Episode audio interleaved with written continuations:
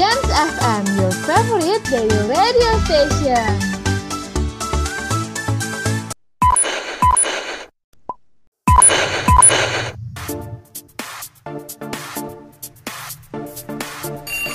Yans Talk, bincang-bincang cantik with Yeni.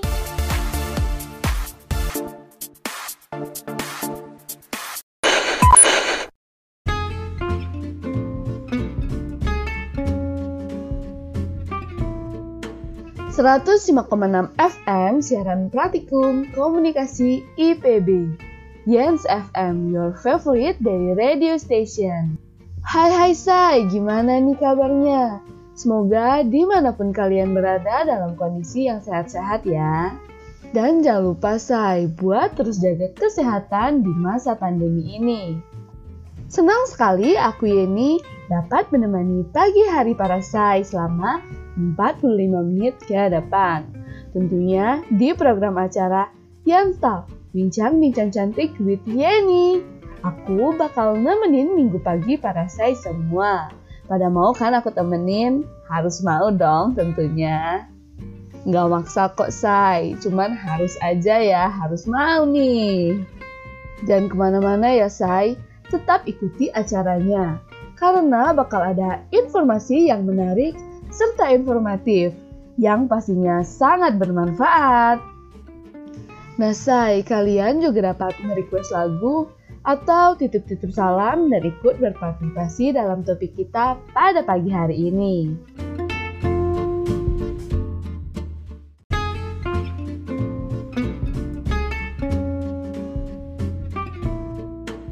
Gimana nih say pagi harinya? Masih pada semangat kan? Tentu masih dong. Dan jangan lupa buat sarapan ya, say. Karena sarapan sangat baik buat kesehatan kita agar tetap semangat penuh jalani aktivitas. Pastinya sarapan dengan makan makanan yang sehat dan bergizi tinggi. Ditemani dengan program acara Yang Style, Bincang-Bincang Cantik with Yeni. Edisi Minggu 11 Oktober 2020. Say, pagi-pagi gini tentunya kita butuh dengerin lagu kali ya. Biar menambah semangat pada saya di luar sana yang mungkin ada yang lagi memulai pagi harinya dengan olahraga biar tetap fit setiap harinya. Wah, itu bagus banget, say. Buat kesehatan tubuh kita agar tetap selalu fit. Tentunya jangan khawatir, say. Aku bakal puterin lagu buat para say di luar sana biar tetap kuat semangat dan selalu percaya diri untuk memulai hari. Dan saya kalian juga dapat merequest lagu atau titip-titip salam dan ikut berpartisipasi dalam topik kita pada pagi hari ini. Ini dia lagu dari Yula Yunita dengan judul Harus Bahagia. Selamat mendengarkan.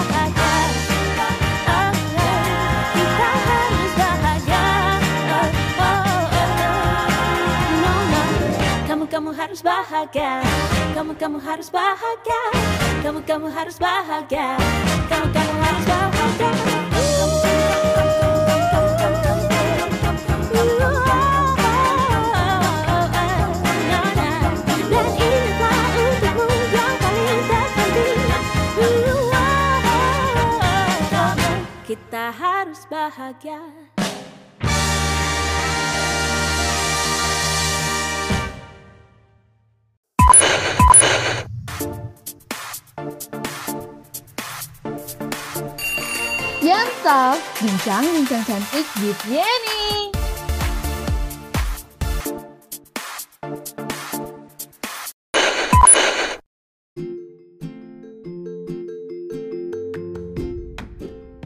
...105,6 FM siaran praktikum komunikasi IPB.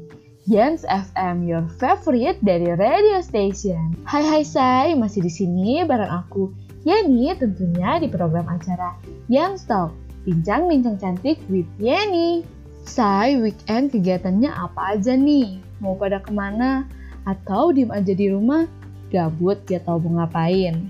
Tenang say, aku bakal bahas film yang masuk ke list film populer di Netflix nih. Yang bisa menemani weekend kalian. Yaitu film Enola Holmes. Peringatan spoiler nih say. Film yang dibintangi oleh Millie Bobby Brown ini kuat akan pesan isu feminisme nih say. Namun di film ini disampaikan dengan adegan yang real, akrab dan diimbangi dengan cerita yang ringan yang menyenangkan. Film Enola menceritakan petualangan detektif perempuan yang bernama Enola Holmes. Udah nggak asing kan say dengan nama Holmes? Yap benar, Enola Holmes merupakan adik dari Sherlock Holmes. Film ini sangat menggelitik sekaligus kuat dalam pesan isu kesetaraan gender. Diceritakan, Enola Holmes yang diperankan oleh Millie Bobby Brown sudah menjadi anak yatim sejak balita. Dibesarkan sendiri oleh sang ibu, Enola tak hanya dididik intelektualitasnya dengan beragam literasi, namun juga ditempa kemampuan fisiknya dengan berlatih tenis, pertarungan, pedang, sampai bela diri jujitsu. Wah, keren banget ya say Enola ini. Di mana adik detektif partikular kondang Sherlock Holmes ini juga diajarkan banyak hal tentang pemecahan teka-teki, utamanya kode-kode transkripsi dari kata-kata acak. Bisa dibilang Enola dilatih sang ibu untuk dibentuk jadi Sherlock Holmes perempuan ya say. Nah, semua yang diajarkan sang ibu ternyata sangat penting untuk Enola ketika Enola ditinggal pergi oleh ibunya saat usianya baru genap 16 tahun. Alur cerita lantas beringkus pada kepulangan kedua kakak Enola ke Fredenhall dari London. Kedua kakaknya adalah si sulung Mycroft Holmes dan tentunya Sherlock Holmes. Dan sejak itu, kehidupan Enola berubah say. Mycroft berencana mengirim Enola ke sekolah asrama untuk dididik sesuai dengan kebanyakan anak perempuan di Inggris kala itu. Mengetahui hal itu, Enola kabur dari rumah untuk mencari ibunya sendiri. Dan dari sanalah perjalanan Enola menemukan ibunya dan jati dirinya dimulai. Sejak awal, film Enola Holmes ini menawarkan hal yang berbeda dibanding film misteri atau feminisme lainnya. Millie sebagai Enola membawa film dengan pesan yang sebenarnya berat ini terasa begitu ringan dan ramah.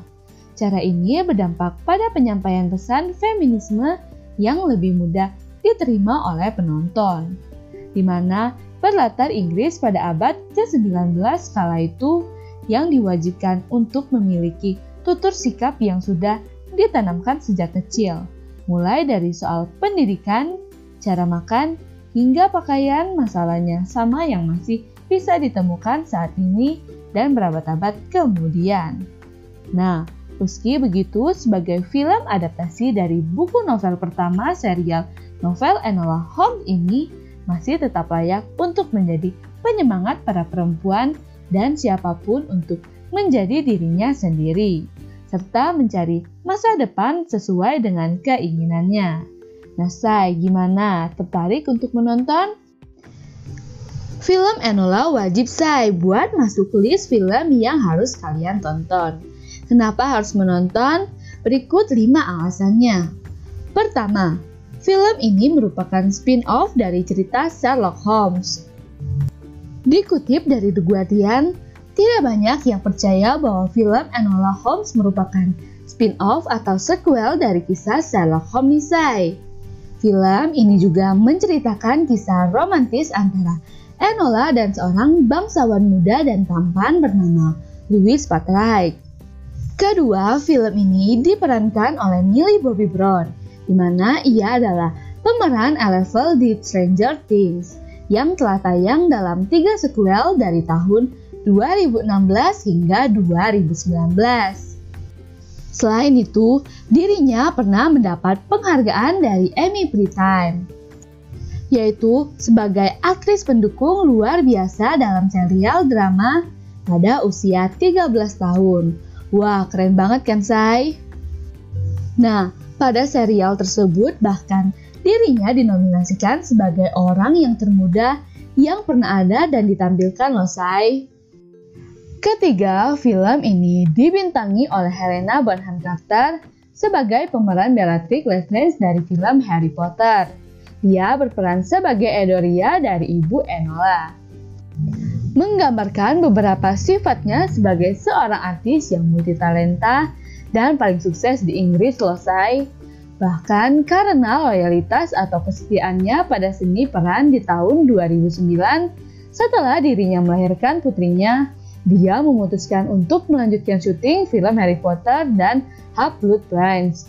Keempat, film ini bergenre adventure, drama, dan crime tidak hanya bergenre children and family movie selesai. Meski baru saja ditayangkan pada 23 September 2020, film Enola Holmes telah menduduki peringkat ke-9 pada Top 50 Adventure Movie dan TV Show. Wah, keren banget kan, Say? Dan kelima, rating film ini di MDB dan Rotten Tomatoes cukup bagus. Tidak hanya empat alasan penting di atas, film Enola Holmes juga wajib ditonton karena mendapat rating 6,7 dari 10 di MDB. Sementara di situs Rotten Tomatoes memberikan rating penilaian sebesar 92% dengan jumlah skor audiens sebanyak 81. Gimana nih Say? Bisa banget kan buat nemenin weekend kalian?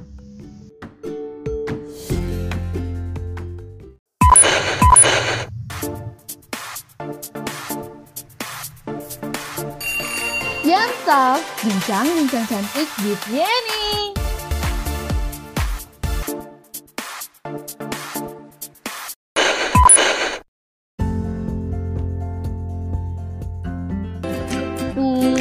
Kehabisan baju nih buat jalan sama doi.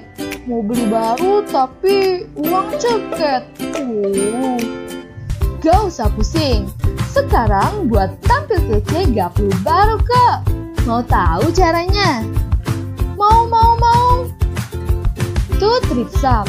Thrift store yang menjual pakaian bekas dengan harga di bawah 50 ribu dengan kondisi yang masih bagus serta kekinian. Wah, wah, wah, auto borong nih! Tampil kece nggak harus baru. Thrift Shop punya solusinya. Kunjungi store-nya yang beralamat di Simpang Mana nomor 54 Pagaralam Selatan Kota Pagaralam. Happy shopping!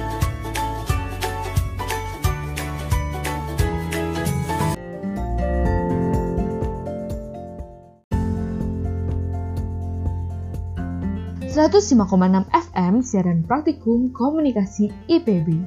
Yens FM, your favorite dari radio station. Melihat angka kematian karena virus COVID-19 semakin meningkat, Ayo, bantu pencegahan virus COVID-19 dengan memakai masker jika ingin selamat. Dengan memakai masker, Anda sudah memutus penularan virus COVID-19 melalui percikan air liur penderita. Biasakan pakai masker pergunakan masker kain dengan tambahan lapisan tisu. Iklan layanan masyarakat ini dipersembahkan oleh Yans FM.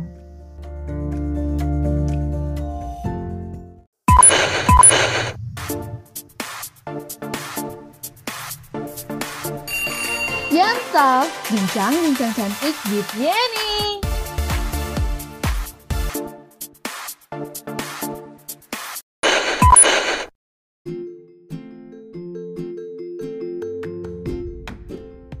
...105,6 FM, siaran praktikum komunikasi IPB.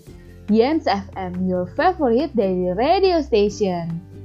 Kembali lagi masih di sini bareng aku Yeni tentunya di program acara Yang Talk, bincang-bincang cantik with Yeni. Saya udah tahu belum nih sama sosok Nadine Amiza? Siapa sih Nadine Amiza? Yang sempat menjadi trending topik di Twitter karena berulang tahun dan mengeluarkan album. Siapa sih Nadine Amiza ini? Kenapa dia digandrungi para remaja? Saat kemarin sosial media diramaikan dengan berita Nadine yang berulang tahun dan merilis album perdana bertajuk Selamat Ulang Tahun. Yang nggak tahu tenang say, jangan merasa kudet ya. Karena di sini kita bakal bahas siapa sih sosok Nadine Amiza ini yang pastinya bakal jawab rasa penasaran saya semua. Keken, begitu sapaannya. Pernah mengikuti ajang pencarian bakat sosial media sensation di tahun 2006. Dirinya berhasil keluar sebagai juara ketiga. Nah, say, sebelum seterkenal sekarang, Keken suka sering mengcover lagu dan mempostingnya lewat akun Instagram miliknya. Menggunakan background dengan warna hitam dan atau putih, seperti ala-ala Instagramer estetik gitu loh, say.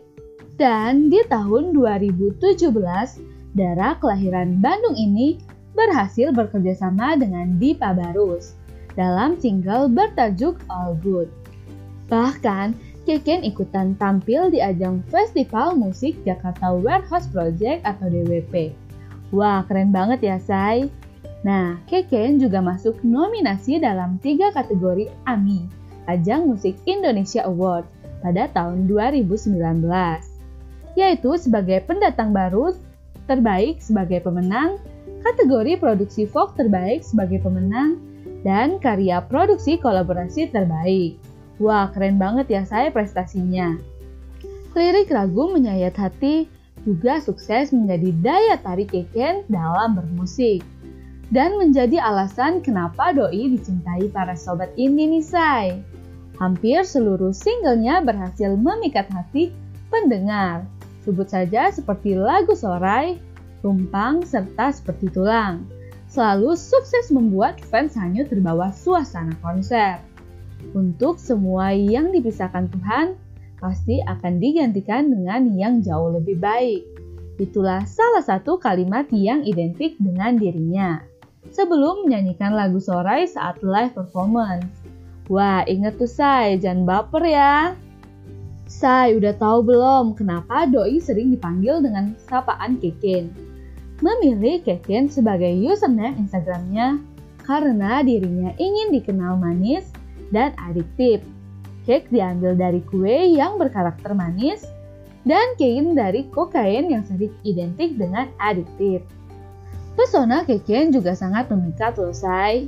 Keken yang berzodiak Gemini dalam beberapa interview mengaku bahwa dirinya seorang yang introvert loh say.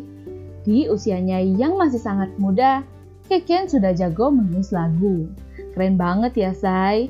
Nah, Say, perlu diketahui, Keken bisa duet dengan Dipa Barus karena media sosial, yang mana ada followers Dipa Barus yang merekomendasikan untuk duet bersama Keken. Nah, Say, perlu diketahui juga bahwa Keken udah punya pacar ya. Kini Keken tengah menjalin asmara dengan Kevin Hugo yaitu salah satu peserta Indonesian Idol pada tahun 2019. Keken memiliki style yang sering diikuti oleh anak muda dan kerap menggonta-ganti warna rambutnya losai. Dan makin dikenal, Keken kini memiliki 500 ribu lebih pengikut di Instagram. Wah wah wah, keren banget nih Say. Keken juga mengungkapkan sosok musisi Indonesia yang dikaguminya, yaitu ketiga pahlawan yang dianggapnya telah mempengaruhi kehidupan dan karir musiknya. Tiga orang yang dianggap sebagai pahlawan musik adalah Sal Priadi, Kunto Aji, dan Arina Epifania atau Arina Moka.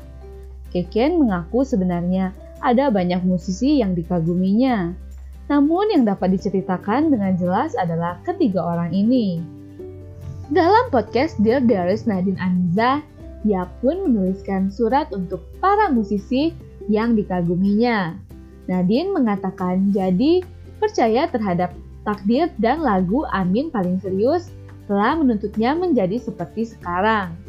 Seperti halnya, Keken juga mendapat pelajaran dari Kunto Aji. Baginya, Kunto Aji telah membuatnya yakin jika mimpi bisa dikejar dan diwujudkan. Kiken pun juga mengagumi album dari mantra-mantra milik Kunto Aji, yang dianggapnya seperti penyembuh luka, khususnya pada lagu Sulung. Sementara itu, Keken juga sangat mengagumi sosok Arina, yang selalu bernyanyi menggunakan hati. Menurut Keken, cara bernyanyi vokalis Moka ini seperti orang yang sedang bercerita, sehingga siapa pun yang mendengarkan langsung tersihir. Nah, say, gimana? Udah pada nggak penasaran lagi kan dengan siapa sih sosok Keken ini? Sosok yang berhasil merajai trending topik Twitter dan kenapa sangat digandungi para remaja masa kini.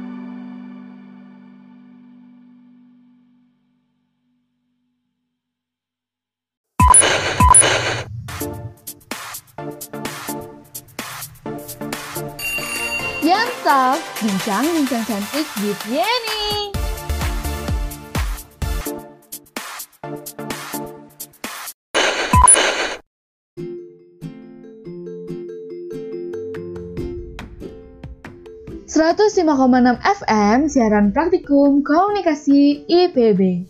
Yes FM, your favorite daily radio station. Saya masih di sini tentunya bareng aku Yeni di program acara Yan Stop. Bincang-bincang cantik with Yeni. Saya selanjutnya kita bakal bahas kenapa datang bulan atau head bisa tidak lancar dan bagaimana cara mengatasinya. Haid tidak lancar menjadi salah satu masalah yang umum dialami oleh para wanita ya, Say.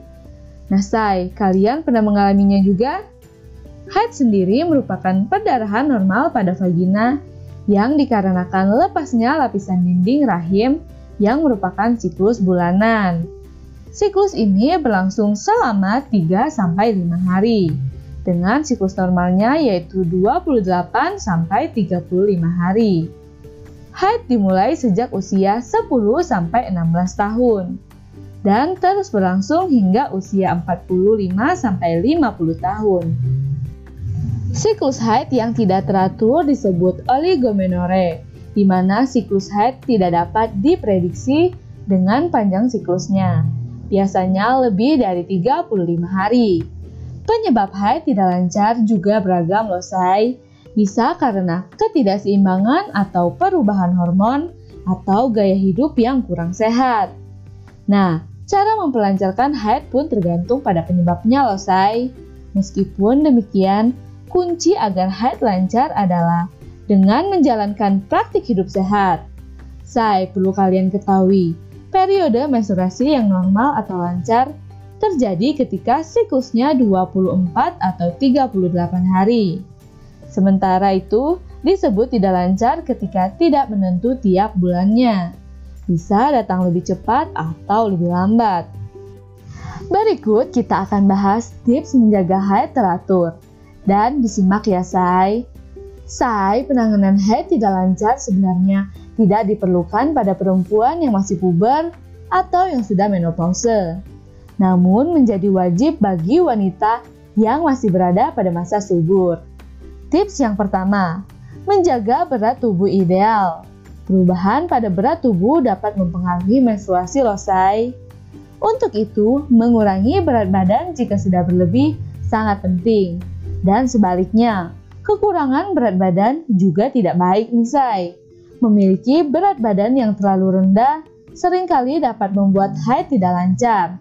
Dikarenakan tubuh membutuhkan lemak untuk menghasilkan hormon agar tidak kegemukan atau terlalu kurus. Nah, say, yuk mulai pertahankan berat badan ideal. Atur pola makan dengan porsi yang seimbang. Dan perbanyak makan makanan yang sehat seperti sayur-sayuran dan buah-buahan. Serta mengontrol kalori. Kedua, rajin berolahraga. Olahraga bisa menjadi salah satu cara untuk melancarkan haid losai karena banyak manfaat kesehatan yang ditimbulkan.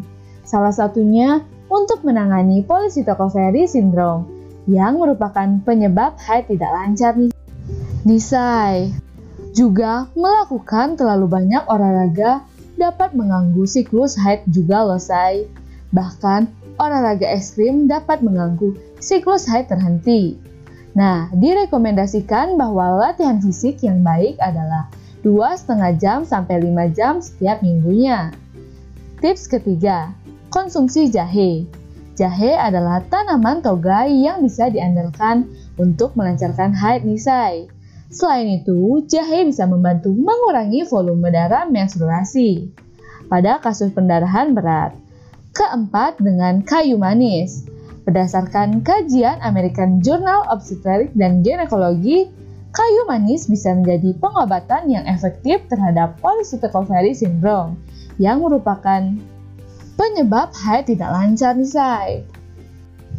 Dan selain itu juga bisa mengurangi nyeri dan perdarahan saat menstruasi. Tips kelima, perbanyak konsumsi vitamin D. Sebuah kajian yang dilakukan di Amerika Serikat menyebutkan vitamin D dapat menjadi cara melancarkan haid. Para peneliti mencatat jika haid yang tidak lancar ada kaitannya dengan kekurangan vitamin D nisai. Vitamin D bisa kita dapat dalam beberapa jenis makanan nih say, termasuk susu dan produk olahannya. Kamu juga bisa mendapatkan vitamin D dari paparan sinar matahari. Tips keenam, mengurangi stres. Saat stres, tubuh menghasilkan hormon kortisol dan adrenalin yang dapat menghambat produksi estrogen dan progesteron yang berfungsi dalam mempertahankan siklus haid yang teratur. Para peneliti berpendapat bahwa tingkat stres yang tinggi memiliki kaitannya dengan haid yang tidak teratur. Oleh sebab itu, ada baiknya kamu mencari kegiatan favorit yang bisa membantu mengurangi stres ya say. Ketujuh, meditasi. Meditasi merupakan salah satu cara sederhana untuk mengurangi stres say. Beberapa cara meditasi yang bisa kamu lakukan misalnya, mencari tempat yang tenang dan fokus pada suara nafas. Setelah itu, dengarkan suara-suara yang ada di sekitar dan biarkan pikiran tetap tenang. Agar lebih fokus, lakukan beberapa menit per hari. Nah, itulah cara melancarkan haid yang aman dan bisa dipraktikkan di rumah ya say. Selalu jaga kesehatan menstruasimu supaya terhindar dari masalah kesehatan yang lebih serius. Jika beberapa cara alami ini sudah kamu coba dan siklus haid masih juga tidak teratur, lebih baik segera konsultasikan ke dokter ya say, terutama jika kondisi ini disertai gejala lain seperti nyeri di perut. Haid yang tidak teratur menjadi lambat, cepat, bahkan lewat beberapa bulan bisa menandai beberapa kondisi medis tuh say.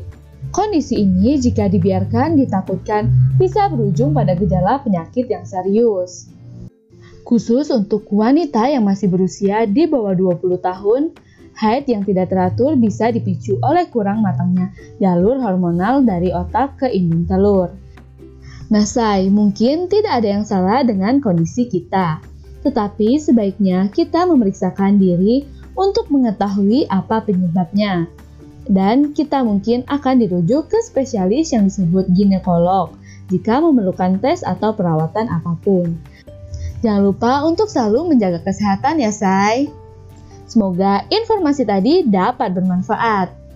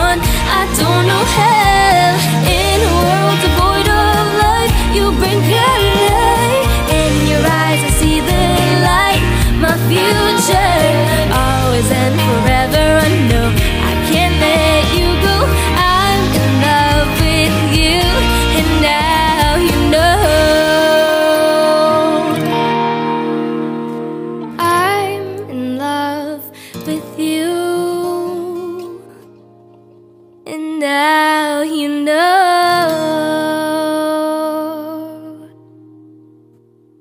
Thank you.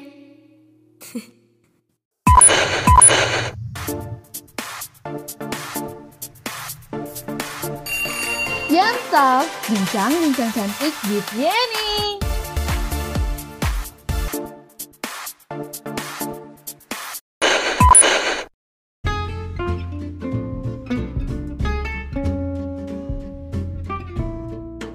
105,6 FM siaran praktikum komunikasi IPB. Yens FM, your favorite dari radio station. Saya kembali lagi tentunya bareng aku Yeni. Nah, sekarang aku bakal bacain ramalan percintaan zodiak di bulan Oktober 2020. Berikut aku akan bacain beberapa zodiak. Dengerin ya say, siapa tahu dari beberapa zodiak ini ada zodiak kalian. Aries, jika para Aries tak memiliki waktu untuk memanjakan diri, maka bulan Oktober adalah waktu yang tepat untuk memberikan cinta pada diri sendiri nih say. Aries harus memahami bahwa tak ada salahnya memanjakan diri sendiri. Tak hanya merawat diri, melakukan hal-hal yang belum pernah dilakukan, atau mengembangkan skill yang bisa menunjang kesuksesan atau kemampuan diri.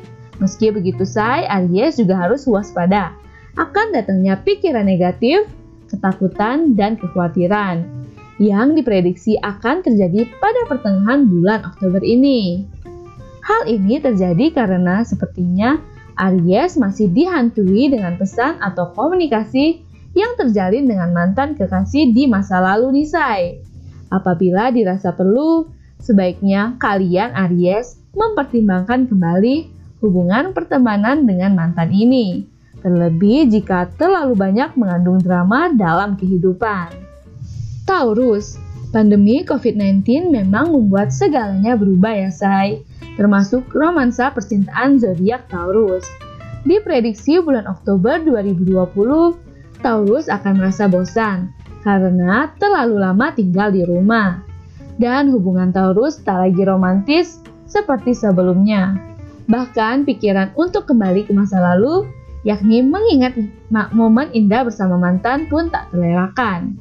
Meski begitu, jangan sampai tergoda ya say, apalagi romantisme masa lalu. Jangan biarkan kenangan-kenangan yang sudah berlalu itu membuat berkeinginan untuk menghubungi mantan. Jika perlu, blokir nomor dan sosial media mantan ya say, biar tidak terlena untuk memikirkannya. Gemini, sifat Gemini yang suka tantangan dan hal-hal baru terkadang membuatnya mudah tergoda pada orang lain. Meski demikian, hal itu tidak terjadi di bulan Oktober 2020. Emosi Gemini terlihat stabil. Begitu pula dengan hubungan cintanya. Gemini akan lebih terbuka pada pasangan mengenai perasaan yang selama ini ia rasakan. Virgo, bulan Oktober 2020 sepertinya harus diisi dengan lebih banyak meluangkan waktu kepada orang-orang tersayang, seperti pasangan, sahabat, atau keluarga, dan mereka yang membawa energi positif bagi kehidupan Virgo. Libra, bulan Oktober adalah bulannya Libra.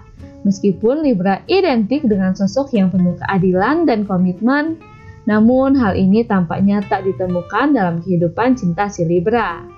Ketika sudah memilih memutuskan siapa pasangan hidupnya, itu tandanya Libra juga harus berkomitmen dengan pilihan yang dibuatnya. Sebab sifat Libra yang kadang genit malah menyebabkan masalah bagi hubungan rumah tangga Nisai. Cobalah untuk meluangkan waktu dengan pasangan, lalu berbicara dari hati ke hati. Tanyakan pendapat pasangan mengenai perselingkuhan dan batasan-batasan apa saja yang harus dilakukan agar tidak saling menyakiti. Scorpio Memang ada banyak hal yang menakuti Scorpio pada saat ini. Tapi bukan berarti setiap kebaikan dan kebahagiaan dalam hidup tak bisa disyukuri nisai. Jika Scorpio tidak berhati-hati, hal ini akan menciptakan kebiasaan buruk dan berpengaruh terhadap hubungan. Pastikan setiap kesulitan yang sedang Scorpio hadapi tidak merusak ataupun mengurangi kasih sayang ya terhadap pasangan maupun orang terdekat. Sebaliknya, jadikan hal-hal buruk ini sebagai cara untuk lebih erat dengan pasangan.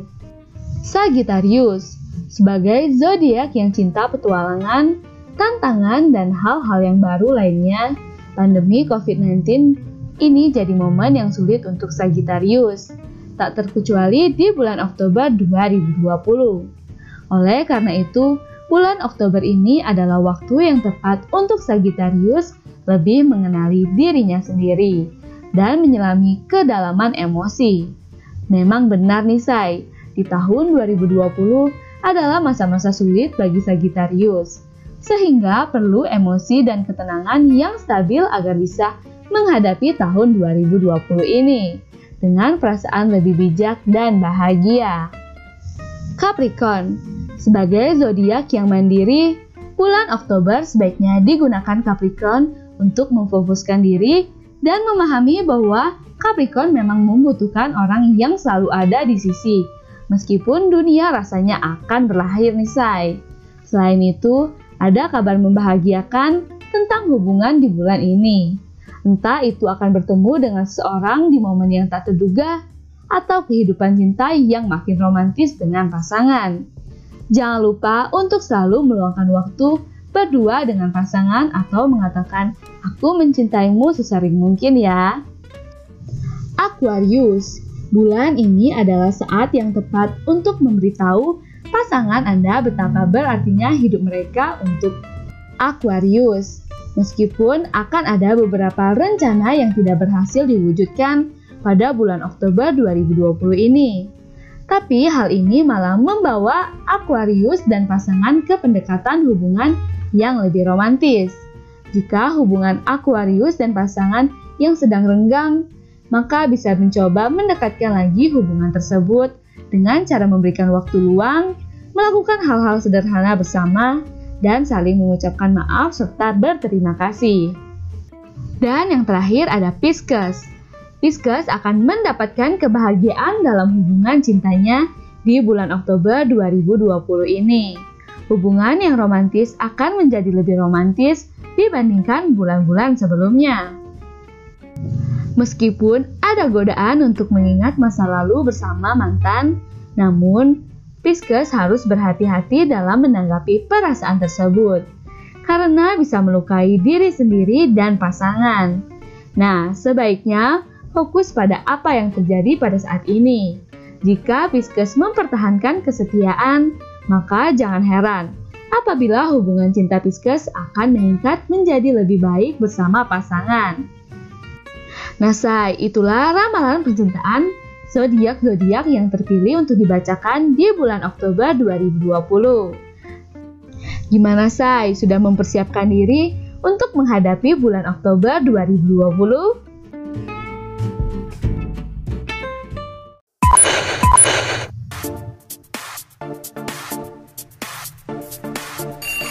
Yang bincang-bincang cantik with Yeni.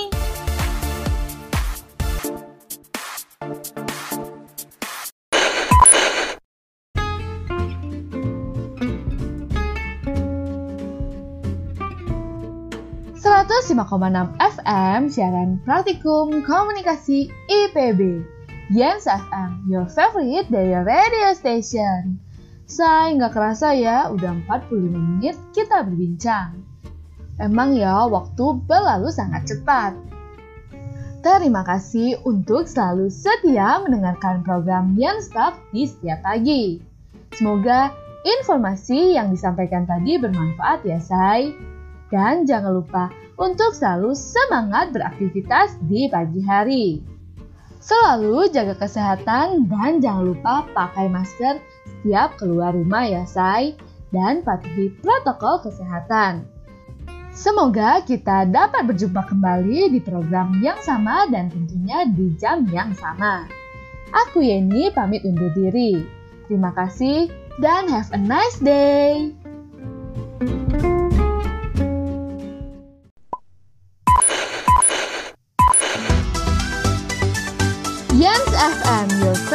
Daily radio station.